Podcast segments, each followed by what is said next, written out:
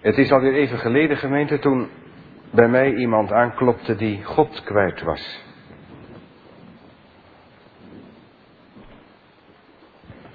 Ze had wel hoop gekregen op de Heer. Echt wel wat zicht op Gods beloften. Op het werk van de Heer Jezus Christus. Maar alles was zo ver weg voor de gevoel. Zo verdonkerd.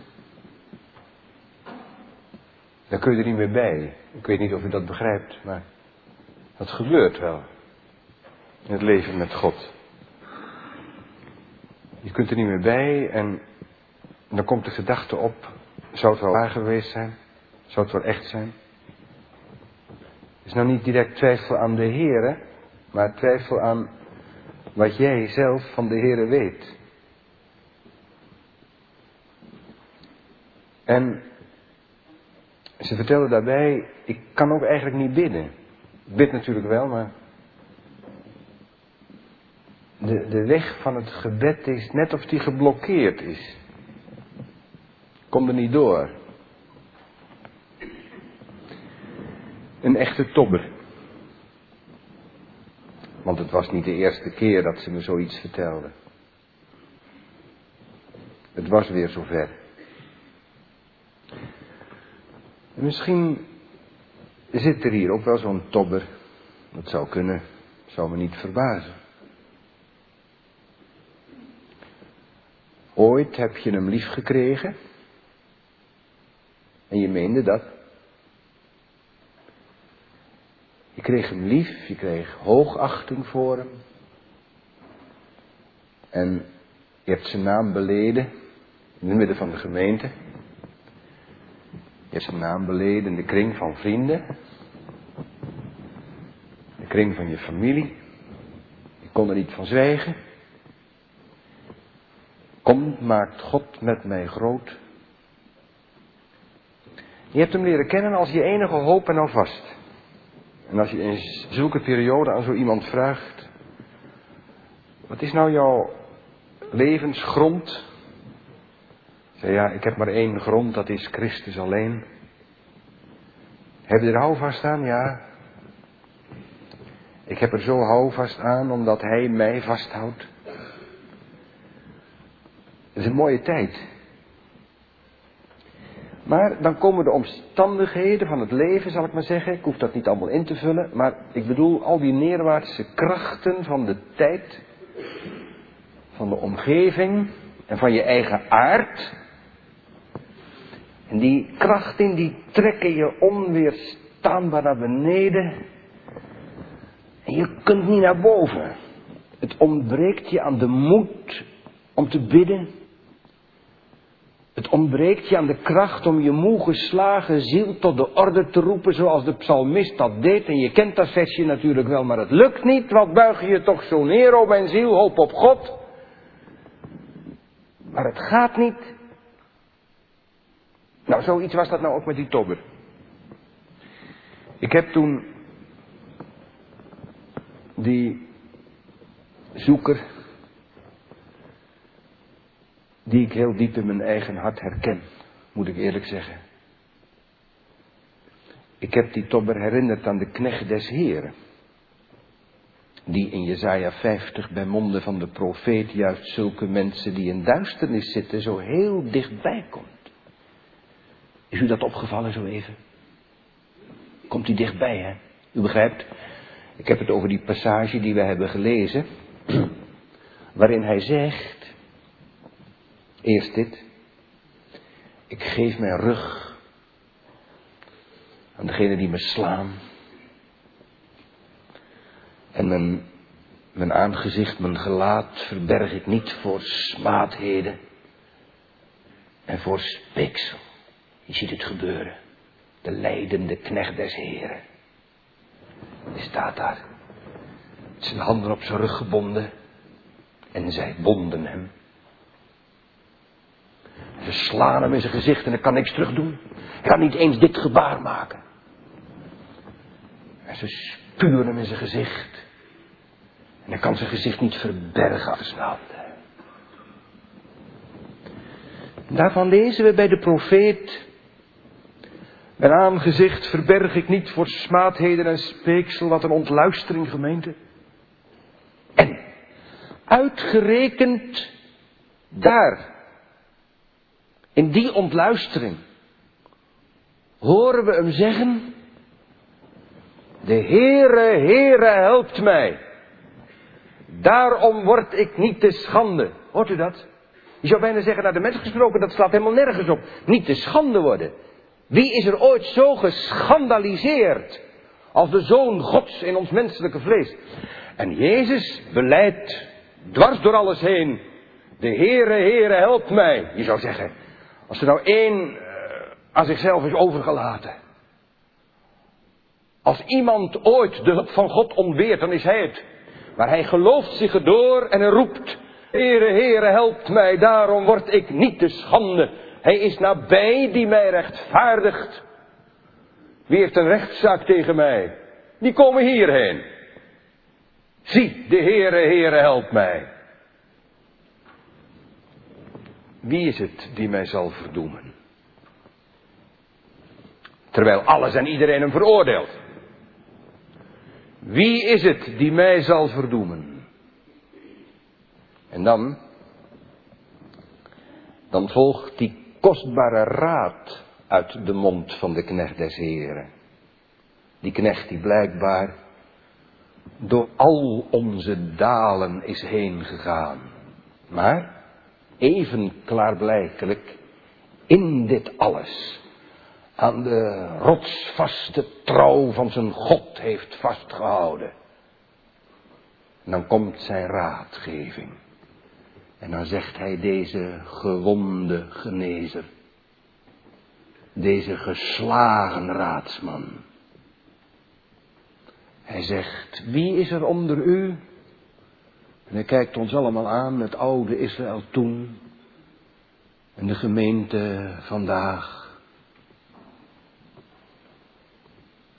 Wie is er onder u die de Heere vreest en hoort naar de stem van de knecht des Heeren? Wie hoort er naar mijn stem, roept hij ons toe. Wel, als je dan in de duisternissen wandelt, zo staat het eigenlijk, in de duisternissen, u weet wel, die duisternissen die het altijd weer op ons gemunt hebben, die ons van het licht beroven. Als iemand dan in duisternissen, in die duisternissen wandelt en geen licht heeft als het aarde donker is en je ziet geen hand voor ogen, laat hij dan betrouwen op de naam. Dat betekent zoveel als, laat hij zich dan bergen in de naam. Dan moet je in weg kruipen, dan moet je in binnen vluchten. Die naam van God is een wijkplaats, een naam om te noemen natuurlijk. Naam en noemen hangen samen naam, die naam moet je noemen, die moet je inroepen en inwachten. En er zo in wegkruipen door je eraan vast te klampen.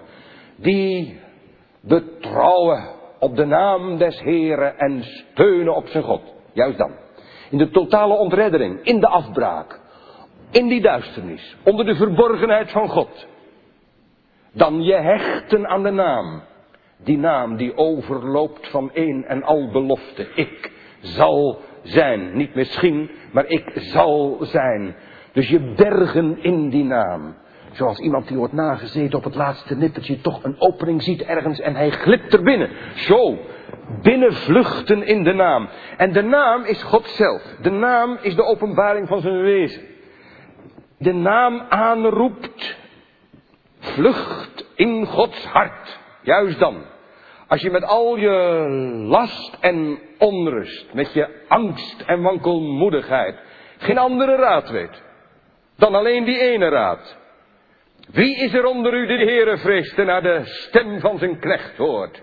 Kom dan, dat hij zich bergen in de naam. Dan laat je je zinken op je God. Ja, gemeente, dat is ook een vorm van bidden. Maar ja, bidden dan mag dat bidden van ons natuurlijk nauwelijks een naam hebben. Dan is dat bidden niet mooi.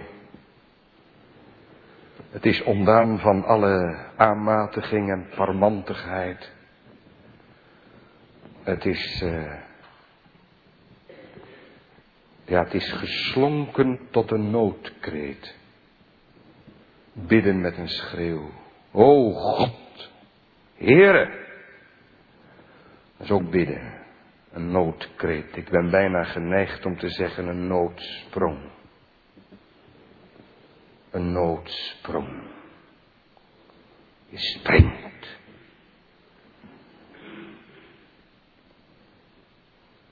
In het kinderlijke vertrouwen dat vader je vangt, opvangt.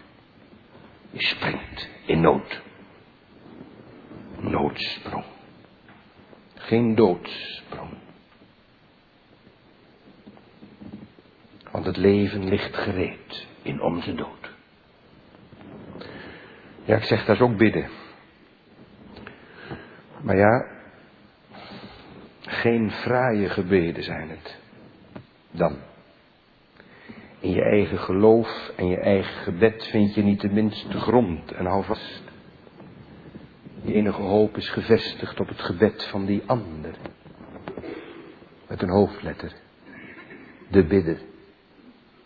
Die zei, Simon, Simon, Satan heeft jullie allemaal zeer begeerd om te ziften als de tarwe. Maar ik heb voor u gebeden dat je geloof niet op zou houden. Ja, gemeente? Van die bidder moeten we het hebben. Daar heb ik toen die topper op gewezen. En daar moet ik mezelf ook zo vaak op wijzen. En daar wil ik u ook op wijzen. Op die ene bidder, weet u wel, als wij uit gebeden zijn, die van ons nulpunt het trefpunt maakt van zijn aanwezigheid. Die bidder die het kan als ik het niet kan, die het heeft als ik het niet heb. Die bidder, wie? Wie moet het daarvan hebben? Ja, wij. Wij gemeente die als het erop aankomt allemaal even grote tobbers zijn. Ik weet niet of je er al achter bent. Als het niet zo is, dan kom je er vandaag of morgen achter. Echt waar. Als het erop aankomt zijn we even grote tobbers. Hoe ver we het ook geschopt hebben, ook in het geestelijk leven bedoel ik hoor. Ja, maar zegt u, u zou ons vanuit Paulus het een en ander meedelen. Jawel. Nou, en? Nou zegt u, ik bedoel, die Paulus waar het over gaat, de Romeinenbrief, of die de Romeinenbrief geschreven heeft, liever gezegd, die hoort toch niet bij dat soort? Die is toch van andere allure? Nou, vraag het hem zelf. Vraag het hem zelf. Hoef ik niet te beoordelen. Hij vertelt zo in de loop van zijn brieven dat hij het vergeschopt had. Nou, vergeschopt, dat hij vergebracht was door de Heer. Vergebracht. In het geloofsleven. Ja, er waren wonderbaarlijke dingen gebeurd. Want die man die altijd zo groot uh, scheeps leefde en zo groot stond en hoog stond met zichzelf, die was toen op een gegeven moment door de Heer neergehaald van zijn hoogte was afgebracht van zijn doodsweg. Hij dacht dat het levensweg was, maar het was een doodsweg. Afgebracht van zijn doodsweg van eertijds. En was eh, eh, ingebracht in de levensgemeenschap met de Heer Jezus Christus. Hij de mijne, ik de zijne. En daar kon hij hoog gestemd van zingen. Wij dan, rechtvaardig door het geloof, hebben vrede met God. Ja, maar diezelfde man, die klaagt zichzelf even verder in diezelfde Romeinenbrief aan als vleeselijk en verkocht onder de zonde. En dan snikt hij het uit. Want dat is voor hem niet een dogmatische constatering. Nou ja, een mens blijft nou eenmaal zo. Dat is geen kille constatering. Maar daar gaat hij onderdoor. Daar heeft hij last van, daar heeft hij weet van. En hij snikt het uit. Ik ellendig mens. Wie zal mij verlossen? En dan weet ik wel gemeente, dan veert het geloof onmiddellijk weer hoog op hoor. Zo gaat het in het geloofsleven. Als het golfslag heen en weer. Ik dank God, roept hij dan door onze Heer Jezus Christus. En dan jubelt hij het uit. Zo is er geen verdoemenis voor degenen die in Christus Jezus zijn. Maar vlak voor onze tekst, dus dat is maar eventjes verder, dat is waar ik het nu even over had. Vlak voor onze tekst blijkt, die zanger dan toch nog steeds een zuchter te zijn. Een zuchter die met de hele gebroken werkelijkheid en met de complete creatuur die nog in warensnood is, meezucht. Wij zuchten in onszelf, zegt hij. En hij hunkert naar de verlossing. En ik dacht dat hij verlost was, jawel, maar in hopen. En dan zegt hij, ik, ik zie uit, ik hunker, ik honger naar de dag van verlossing. Wanneer komt die dag? En als iemand soms dacht dat dat zuchten en dat verlangen dan toch maar van waarde zou zijn. En dat dat misschien dan enig gewicht in de schaal van het heil zou leggen. Nou, die helpt de apostel wel uit de droom. Hij zegt gewoon heel eerlijk. Ja, het is dat de geest onze zwakheden, over een tobber gesproken. En hij maakt er trouwens een meervoud van, onze. Hij zegt, het is dat de geest onze zwakheden te hulp komt. Anders kwam zelfs van dat gezucht van ons niemendal terecht hoor. Hoezo dan, Paulus? Hij zegt, nou, ik weet niet eens te bidden zoals het behoort. Kun jij niet eens bidden, Paulus? Zoals het behoort. Weet jij niet te bidden op niveau? Jij? En ik dacht dat je, daar zong je toch zo van. Ik keek net zo tegen je op. Hij zegt, dat moet je niet doen hoor. Moet je tegen mij opkijken. Ik heb maar één bedoeling, dat is dat u tegen Jezus opkijkt. Moet je tegen opkijken. Die is het waard. Daar moet je het van hebben. Niet van mij.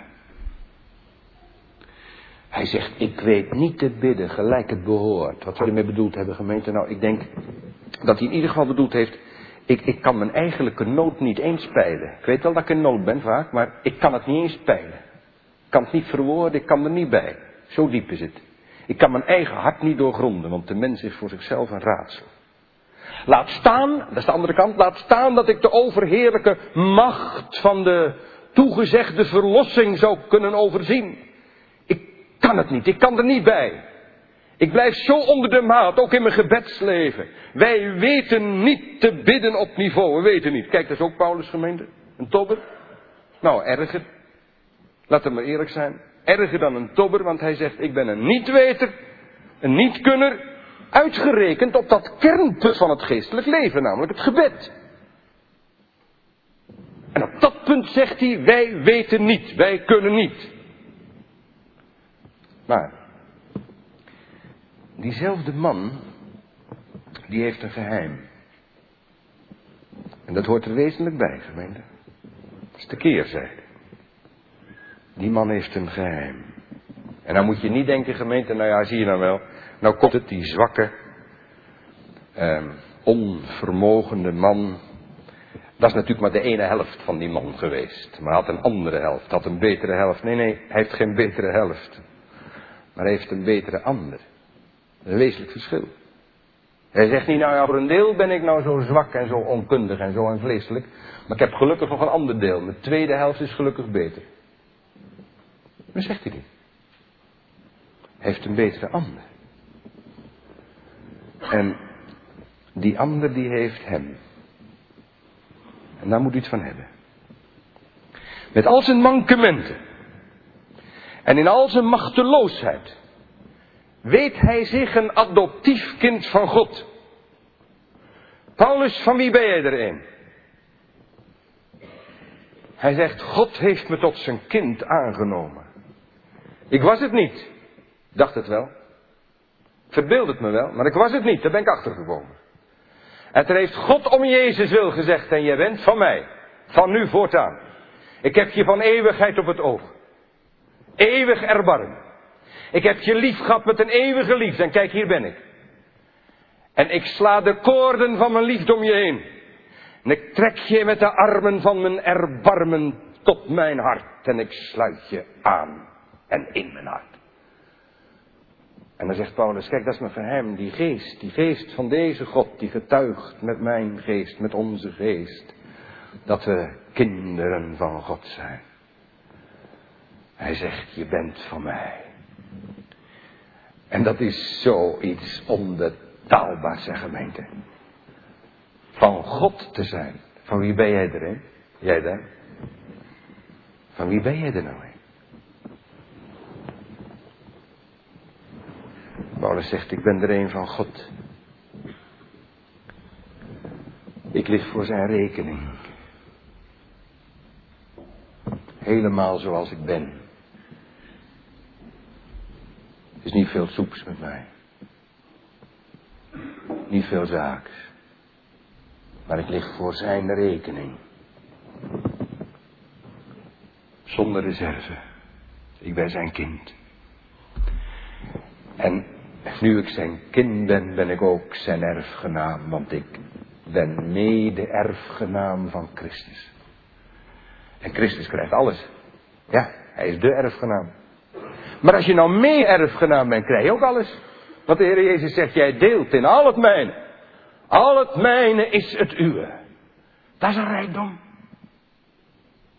Kijk, en het is deze wondere, bevrijdende verzekering die, die Paulus de moed geeft om niet alleen te klagen, wij weten niet te bidden, maar ook om te getuigen, de geest van God zelf bidt voor ons. En vlak daarop, wij weten dat degenen die God lief hebben, alle dingen medewerken ten goede. Dus die man die zegt, ik weet niet, zegt even later, maar ik weet iets anders wel. Ik weet niet te bidden, maar ik weet iets anders wel. Ik weet dat alles medewerkt ten goede voor degenen die God lief hebben. Alles. Alles. Zou dat waar zijn, Paulus? Hij zegt, anders zou ik het niet zeggen. Ik schrijf het op, zwart op wit. Alle dingen. Hij wenst ze ten goede. Ja, er zitten hier van die gewonde mensen. Die zich in die onkundige Paulus herkennen. Mensen die zeggen, ja, ik heb dat ook wel. Dat ik tegen mijn onkunde, juist ook in het gebedsleven, aanloop. Ik kan het niet, ik red het niet, ik haal het niet. Ben jij het misschien? Luister dan. Welke medicijn de apostel aanreikt. En laat die medicijn niet staan, gemeente. Als de dokter tegen je zegt, het ziet er niet goed uit, maar er is een goede medicijn. Hier een receptje. Ga dan al gauw naar de apotheek en doe dan wat ik je zeg. Drie keer per dag. En je gaat vervolgens naar de apotheek en je zet dat flesje weg. En je zegt, nou heb ik toch goede medicijn in huis. En je maakt er geen gebruik van. Denk je dat het helpt? Toch niet door er naar te kijken.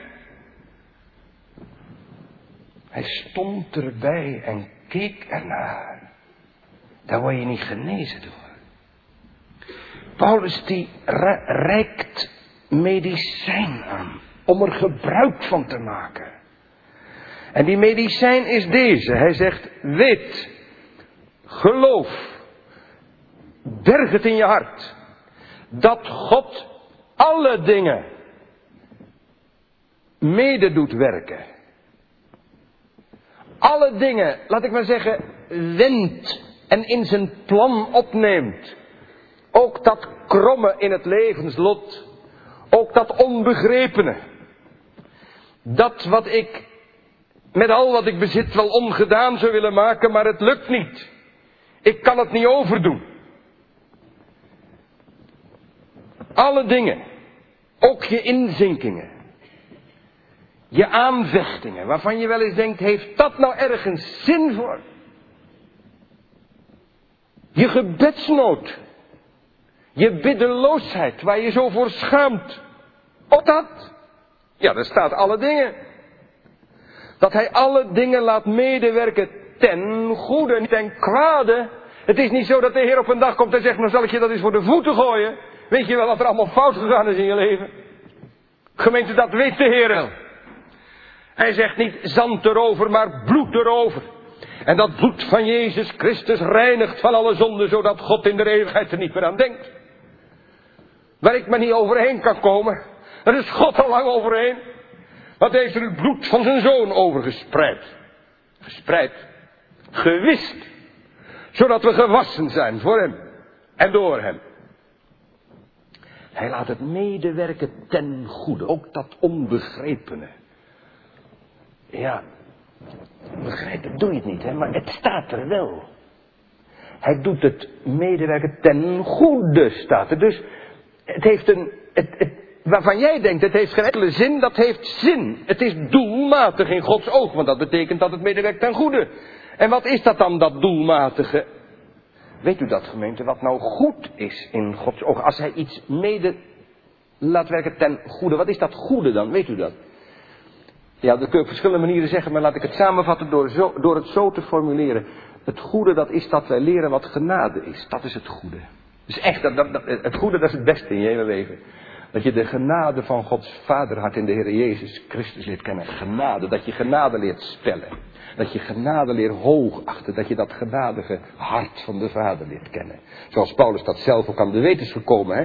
Met die doorn in zijn vlees. Hij zei, Heren, die doorn, dat heeft geen enkele zin, want ik kan mijn werk gewoon niet doen. Dat blokkeert me in mijn, in mijn werkzaamheden. En ik heb nog voor zoveel voor, voor, u te doen. Verlost me alstublieft van uw doorn. Die, die duivel die me met zijn vuisten maar aftimmert. Alstublieft, heer. En tot drie keer toe boogt hij zijn knieën en denk er maar omdat hij gebeden heeft. En zei de Heer, nou ik zal je verhoren, hier, mijn genade. Dat is je genoeg. Pakte die doorn niet weg. Maar de Heere zei, Heer Paulus, mijn genade is je genoeg. Mijn kracht in jouw zwakheid. Mijn genade genoeg. Wel, dat is het goede. Waar de Heer op aanstuurt in ons leven. Alle dingen medewerken ten goede. Ons aan de grond brengen. Zodat Hij alleen overblijft. Hij groot. En wij gering. Is deze grondhouding. Van dat puur op genade aangewezen geloof dat Paulus de zuchter nochtans weer op laat stijgen tot de jubel. Zo God dan voor ons is, wie zal tegen ons zijn? Wie tegen ons nou, Paulus, moet je dat nou nog vragen? Dat weet je toch wel? Wie er tegen jou en ons zijn, tegen de hele gemeente. zijn die krachten die tegen Christus zijn. Tegen zijn gemeente, tegen zijn kinderen. Weet Paulus dat niet? Ja. Dat weet hij. Minstens zo goed als wij. En Paulus die zet er straks een, eh, een aantal op een rijtje aan het slot van het hoofdstuk, weet u wel. Hij heeft het over verdrukking. Nou, die is tegen. Toch? Is toch duidelijk? Verdrukking. Snijd je de adem af. Klipsis, benauwdheid de honger. We weten niet goed wat dat is. Misschien een enkeling. Gevaar. Heel concreet. Paulus meegemaakt. Legio-gevaar onderweg. Tot afgereisd die man. Gevaar. Kortom. Doodsmachten. Fnuikende machten. We zouden in deze tijd in willen vullen. Daarbij nog depressies, vereenzaming, tranen, trauma's, ziekte, dood. Allemaal tegenstanders, vijanden die het leven bedreigen. En die ons geloofsleven bestoken. En wie slaat die omsingeling af? Wie, wie bevrijdt nou een mens uit dat beleg? Ja, dat doe je niet zelf, gemeente. Hoor wie het is. Paulus zegt, die ook zijn eigen zoon niet heeft gespaard. Dus dat is een antwoord op al die tegenstanders. Wie zal tegen ons zijn? Legio. er is er één voor. Wie is dat? Dat is die God die zijn eigen zoon niet heeft gespaard, maar voor ons allen heeft overgegeven. Hoe zal hij ons ook met hem niet alle dingen schenken? Als God nu het allerkostbaarst, als hij zo ver gegaan is. Zo eindeloos zo grenzeloos. Dat hij zijn enig, en hij had er maar één, hè, zijn enige kind ervoor over had. Voor ons overgegeven tot in de dood. Hoe zal hij ons dan, als hij nou het meeste gegeven heeft, hoe zal hij ons dan niet het mindere schenken? Als hij zijn eigen kind niet gespaard heeft, dacht u dan, dat u kosten en moeite zou sparen om zijn kinderen hier erdoor te halen? Hoe zal hij ons ook met hem niet alle dingen schenken? Misschien doorkomen aan, denken wij. O, hij haalt er ons door. Het is dan alsof Paulus uit zijn beklaagdenbank uitstapt, want er zijn veel tegenstanders en aanklagers in zijn leven, dat is duidelijk. Maar het is net alsof hij uit zijn beklaagde bankje komt en dat hij frank en vrij naar, naar voren treedt en met een, een klinkklare uitdaging aan het adres van zijn aanvallers zegt. Wie zal, net alsof hij zegt, nou kom maar op. Maar daar zit iets triomfantelijks in. Diezelfde man die zo zichzelf kan aanklagen. En die kermt en zucht. Als hij op God de Vader in Christus ziet. En zijn aandeel in hem. Dan, dan kruipt hij niet in zijn schulp. Dan komt hij tevoorschijn. Dan zegt hij, kom maar op. Wie zal, wie daar, wie daar. Zal beschuldiging inbrengen tegen de uitverkorene God. Hoe durft hij hè? Nee, zo moet je dat niet zien gemeente. Het is geen durf. Het is niet kwestie van durf. Dat heeft niks te maken met vrijpostigheid en overmoed of zo. Zeker, zeker, hij is onbeschroomd, dat geef ik toe. Nog eens een keer, hij kruipt niet in zijn schuld. Maar hij kruipt wel weg, dat moet je niet vergeten. Hij kruipt achter het schild. Niet in zijn schuld. Dat moet je ook niet doen. Dat is een christen onwaardig. Maar je moet wel wegkruipen. Achter het schild van het geloof. Dus bij die confrontatie met al zijn agressors kruipt hij achter het schild van het geloof. Van dat geloof dat zich bergt in Christus. In zijn woord en in zijn werk. Want ik twijfel er niet aan of Paulus die beroept zich hier op de woorden van de knecht des uit Jezaja 50. Weet u ze nog? De Heere, Heere, help mij, wie is er die mij zal verdoemen? Die woorden maakt hij zich eigen. En dat mag, want dat doet het geloof. Dat, dat is geloven. Geloven, dat je toe-eigenen, omdat je krijgt van de Heer. Dus hij grijpt dat woord aan. En met zijn hart gehecht aan die grote knecht des Heren, die gezegd heeft, de Heere, Heere, help mij, wie zal mij verdoemen? Spreekt deze onderknecht Paulus hem na. Niet op eigen gezag. Hij gaat niet tot de aanval over omdat hij zelf zo flink is. Maar omdat hij schuilt achter dat schild, weet u nog? Dat woord van God gelooft, dat profetische woord. God is het die rechtvaardigt, zegt hij. Hij verklaart rechtvaardig. Hij ontslaat mij van rechtsvervolging. Dan kunnen ze allemaal zeggen, er is niks met jou, Paulus. Je bent een veroordelenswaardig mens. Je hebt niet verdiend dat hij er ooit komt. Je bent het aankijken niet waard voor God. En dan zegt Paulus, dat is allemaal waar. Maar ik schuil in het geloof achter het woord van de knecht des Heren. En ik schuil achter de knecht des Heren zelf. En dan zeg ik, God is het die me ontslaat van rechtsvervolging. Wie zal mij dan verdoemen? Wie zal dan het vonnis vellen? Nou, ik ben geneigd om te zeggen, Paulus, een eigenaardige vraag. Wie zal mij doemen, dat weet je toch wel? Die zijn legio instanties die jou veroordelen kunnen en met recht. Dat is de duivel. Dat is je geweten. Dat is de wet van God. Trouwens, God zelf ook. Als hij in het recht zou treden. Ja, zegt Paulus, dat weet ik wel. En ik heb er ook niet van terug. Want dan zou ik voor God niet kunnen bestaan. Maar bij hem is vergeven. Altijd geweest. En die vergeving heeft hij mij bekendgemaakt en is verzegeld door zijn Heilige Geest. En is bevestigd in de dood van Christus. Vergeving. in het bloed van het lam. Kijk, achter deze God, de Vader, de Zoon en de Heilige Geest, gaat Paulus schuil. En hij zegt, wie zal mij verdoemen? En dat is eigenlijk een vraag, hè? Wie zal mij verdoemen? Maar zonder het antwoord af te wachten gaat hij tot de weerlegging over. En dan zegt hij, Christus is het die gestorven is. Ja, wat meer, die ook is opgewekt. En dan staat er eigenlijk, in het Grieks staat het een beetje kort afgeklopt. Eigenlijk zegt hij, na die vraag, wie zal mij verdoemen? Zegt hij, met een heel dik uitroepteken zou je er eigenlijk bij moeten zien. Christus. Dus hij, hij, hij roept. En hij beroept zich op. Hij roept de naam van Christus uit. Christus. Dat is het weerwoord van het geloof. Tegen alle aantijgingen in. Ik heb maar één weerwoord. Een weerwoord van twee syllaben.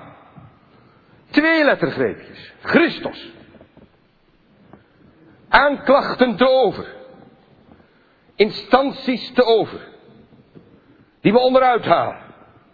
ik heb maar één weerwoord. Christus. Kort en krachtig.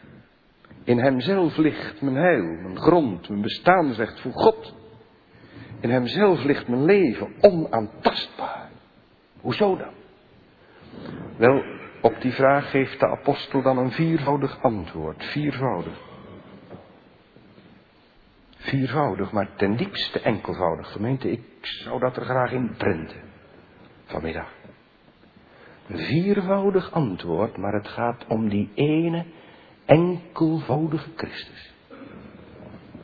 Christus alleen. Maar die ene Christus volbracht zijn werk dat uitwaaiert in vieren, als ik het zo mag zeggen. En dan zegt hij vier dingen. Christus, de gestorvene, die gestorven is. Hij stierf. Ja, mijn koning is een gestorven koning.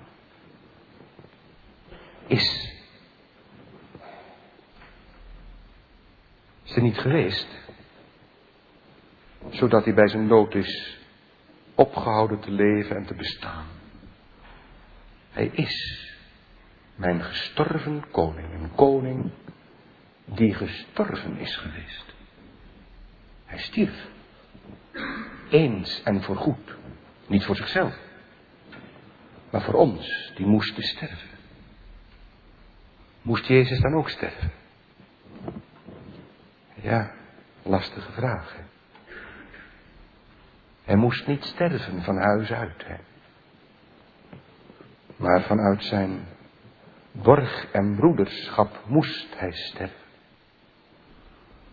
Moest de Christus niet al deze dingen lijden?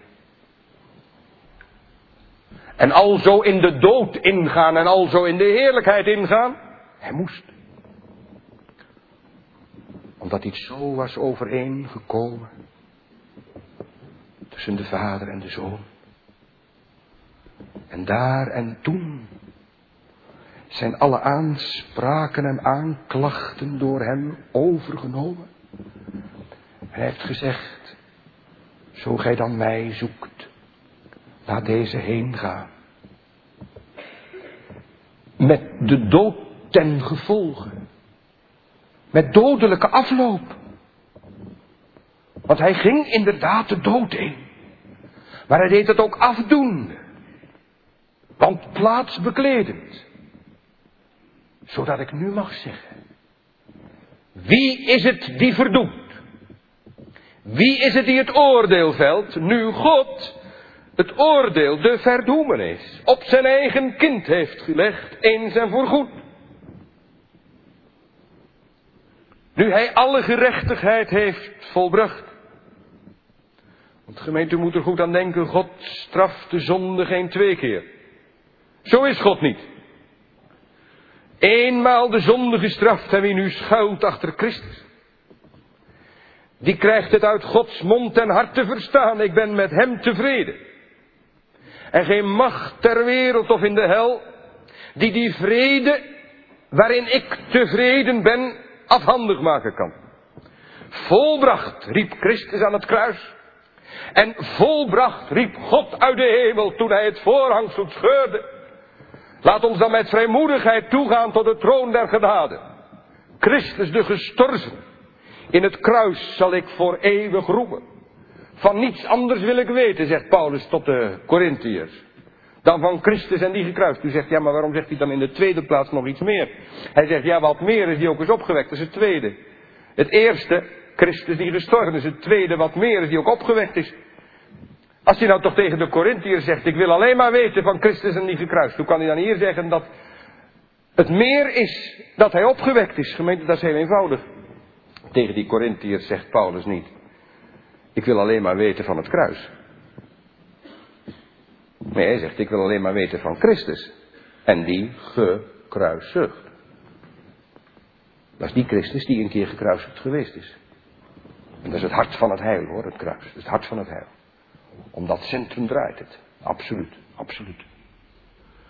Maar waarom kun je dan toch zeggen dat de opstanding meer is? Nou, dat betekent heel simpel als de Heer Jezus nou toch eens in de dood was gebleven.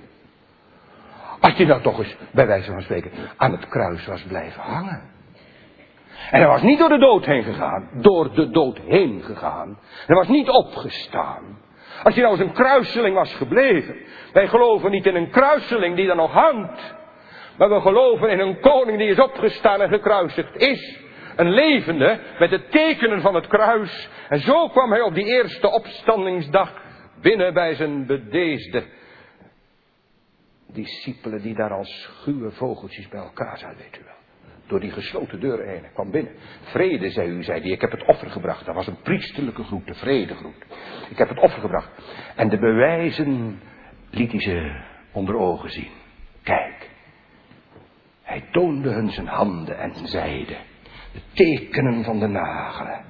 Ik heb het volbracht. Ik voor u, Petrus. Ik voor u, Nathanael. Ik voor u, Jacobus. En een week later, ik voor u, Thomas. En een poosje later, ik voor jou, Saulus. Anders had jij de eeuwige dood moeten sterven. Ik heb het volbracht, volbracht. Het heil is compleet, hoeft niks bij. Hoeft niks bij. Het geschenk is compleet. Het enige is aanpakken en uitpakken. Aannemen omdat de Heer het geeft. En dan in verwondering uitpakken. En van dag tot dag je verblijden in een koning. God is om hem met mij tevreden. En hij zit met allen geliefden die zich bergen in zijn hoede. En die schuilen in zijn wonden. En die zich verlaten op zijn dood en op zijn leven. Dat is wat Paulus ons wil zeggen. Schuil toch. Met al je aanklachten die je tegen je ingebracht worden. Aan het hart van Jezus. Hij is een dode geweest. En twee hoeven niet dood te zijn. Eén is genoeg. Kom. Hij leeft. Hij leeft. En wij met hem. En laat je nooit van de wijs brengen. Door welke beschuldigingen dan ook. Christus is verrezen. Hij leeft. En in zijn leven ligt ook ons borgen. Houd het daarvoor. Laat je niks anders wijs maken. Indien ge dan met Christus opgewekt zet. Zoek de dingen die boven zijn. Waar Christus is. Tot die hoogte van de hemel voert Paulus de Colossense op, weet u wel. Maar hij doet dat ook hier in de Romeinenbrief. Want hij voegt er nog een derde, een derde kant aan toe. Is een weerwoord jegens de aanklacht. Hij zegt niet alleen Christus is de gestorven en Christus is de verrezene, maar hij is ook ten hemel gevaren, de koning. Die een ereplaats inneemt. Aan de rechterhand van God, gemeente. Dat is heel wat, hè.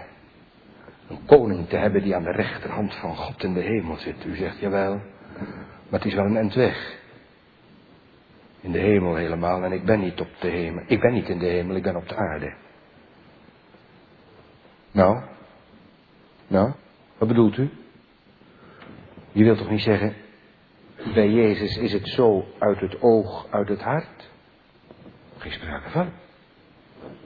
Hij die in de hemel zit, verliest ons geen moment uit het oog. En evenmin één ogenblik uit zijn hart. Zeker. Hij zit hoog in de hemel. Daar zitten aan de rechterhand van de Vader allen die de zijnen zijn. Die bewaart hij als de hoge priester zijn hart. Dat is even wat. Zo dicht zijn we bij hem. Heb je hem lief gekregen? Bij de zijnen. Mag je dat door alle aanvechting heen toch niet ontkennen. En daar amen op zeggen. Weet je waar ons leven dan verborgen is? En geborgen is? In het hart van Christus. Verborgen bij God. Met en in Christus. Ja. En dan nog eens wat. U zei, maar het is mijn weg. Ja, maar punt 1. Hij draagt al de namen van de zijnen in zijn hart, daar. En het tweede, hij zit aan de rechterhand van God. Weet je wat dat betekent? Calvin die zegt aan de rechterhand van God, dat wil zeggen dat hij deelt in de almacht van God. Dus, ook in de alomtegenwoordigheid, hij is overal. Weliswaar niet naar zijn mensheid is hij boven. Maar naar zijn godheid en zijn majesteit en geest en woord en liefde is hij overal.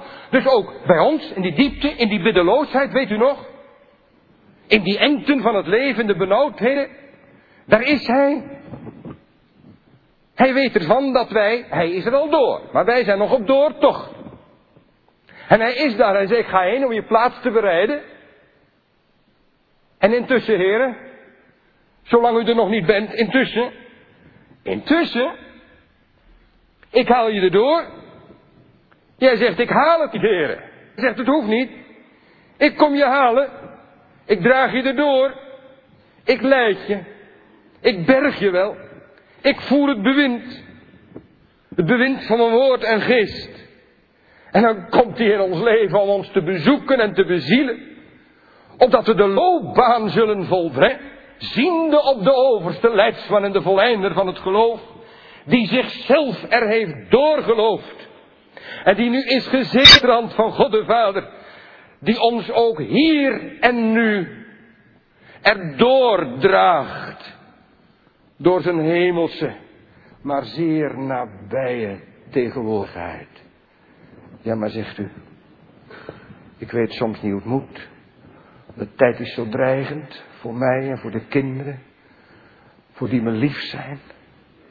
De afval is zo aangrijpend en massaal. In een stad als Rotterdam, je ziet het om je heen gebeuren. En de cultuur die ons omgeeft. En ja, laat ik maar zeggen, de atmosfeer die we inhaleren is zo godloos en zo wetteloos en zo besmettelijk. Hoe blijven we toch staande in deze tijd? O, zegt Paulus, wat buig je nou toch weer neer, jij verslagen ziel. Hoop toch op God. Anders zou ik het ook niet weten. Nee, maar hoop toch op God. Want aan de rechterhand van onze God zit een koning. Die daarboven en hier beneden alle macht heeft, ook in Rotterdam. Ook in uw gezin. Ook in jouw hart. Wij trekken door de wereld. En Jezus is in de hemel. Maar weet je dat hij ons mee, dat hij bij ons en met ons meetrekt door de wereld. Hij laat ons niet alleen. Want gemeente, zoals wij daarboven in zijn hart woonachtig zijn. Zo is hij hier in ons hart woonachtig. Niet meer ik leef, maar Christus leeft in mij. En wat ik nu leef, dat leef ik door het geloof van de Zoon van God. Ja, dat geeft de apostel moed. Dat is, dat is drie, hè? Christus de gestorven. De verrezen is opgestaan. En die aan de rechterhand Gods is. En nu het laatste, die ook voor ons bidt. Nou, nou zijn we weer terug bij af. Ik bedoel, terug bij het begin van de preek over die biddeloosheid. Weet je het nog? Die tobber. Die ook voor ons bidt. Dat is een soort climax, hè? Die ook voor ons bidt. Wat doet hij daarboven? Ja, niet ons vergeten. Hij is niet opgevaren om van ons af te zijn. Hij is opgevaren om nooit meer van ons af te komen. Te bewaren tot de dag dat hij komt. Door te dragen tot op de jongste dag. Wat wil een mens nog meer? Daar loopt de opsomming op uit. Als een stijgende reeks. Hij bidt, hij pleit. En ik stuit tegen mijn biddeloosheid op. En ik zeg, Heer, hoe, hoe het moet, mijn kind. Ik bid. Hoor je dat, onkundige bidders? Telkens weer zo topt. En die van je getop zo moeilijk een gebed kunt maken. Denk je er wel eens aan dat al dat vergeefse, schijnbaar vergeefse gestuntel van ons wel teleurstellend is, maar niet ernstig? Neem het dan ook niet zo ernstig, zeg ik tegen mezelf en tegen jullie. Alsof het van ons gebedsleven zou afhangen. Begrijp me goed gemeente natuurlijk, ach dat hoef ik niet te zeggen. We bidden wel. We bedelen levenslang. Tot we thuis bij vader zijn. Maar intussen, we zullen onze hoop op God toch niet laten afhangen van onze gebrekkige gebeden. We hebben toch wat beters te doen. Het is hemelvaart geweest. Bijna 2000 jaar geleden. En daar zit daar een koning die priesterlijk voor ons bidt. Priesterlijk. Dat wil zeggen, hij kan medelijden hebben met al onze zwakheden, die verzocht is geweest in alle dingen gelijk wij. En als er iemand gefaald heeft en het weer niet gehaald heeft. We hebben een voorspraak, Jezus Christus de rechtvaardige. Hij is een verzoening voor onze zonden. Hij faalde niet. Nooit. Hij haalde het. Helemaal. En hij haalt onze door. Simon, Simon, ik heb voor je gebeden. Anders was het gedaan met het geloof van ons. Hij pleit. En dan niet als een smekeling geknield voor zijn vader om hem gunstig te stemmen. Oh, hoeft God niet te bewegen, gemeente. U hoeft God ook niet te bewegen. Hij is al lang bewogen. Hij is van eeuwigheid bewogen. Weet je wat Jezus doet daarboven? Dat is zijn hand laten zien. Hij zegt, kijk, heren, mijn doorwonde handen, vader. Zoals hij ze ook aan ons laat zien vanavond. En hij zegt, vader, u weet wel. Het offer is gebracht. Voor allen die gij me hebt gegeven. Zie, hun namen staan in mijn priesterhart. Ze zijn van mij. En ik ben van u. En zo zijn allen die van mij zijn ook van u, vader. Ik wil dat die gij me hebt gegeven bij mij zullen zijn. Wel gemeente, zult u het bedenken en ermee rekenen. Juist tijdens die dagen die zo zwart zijn als de nacht. Als je niet kunt bidden zoals het behoort. Weet je wat je dan eens moet doen? Dan moet je tegen je gebedsloze ziel zeggen. En dat moet je zeggen met de koppigheid van het nochtans geloof. Dan moet je zeggen, omhoog jij hart. Daarboven is al lang aan je gedacht. En wordt aan je gedacht. Al mijn onrust en spijt. Kan ik alle dingen met een gerust hart aan zijn voorspraak overladen. Want het leven van onze hemelkoninggemeente is in één woord gebedsleven. Vurig en gedurig gebedsleven. Ons ten goede. Totdat hij komt. En zijn gebed voleindigd en verhoord zal zijn. En dan zal hij zeggen, kom er nou maar in. Jullie kinderen, gezegenden van mijn vader. Kijk eens wat een erfenis. Heel mijn koninkrijk, beërf het koninkrijk, dat voor je weggelegd is. Van de grondlegging der wereld. マラナータ。アメン。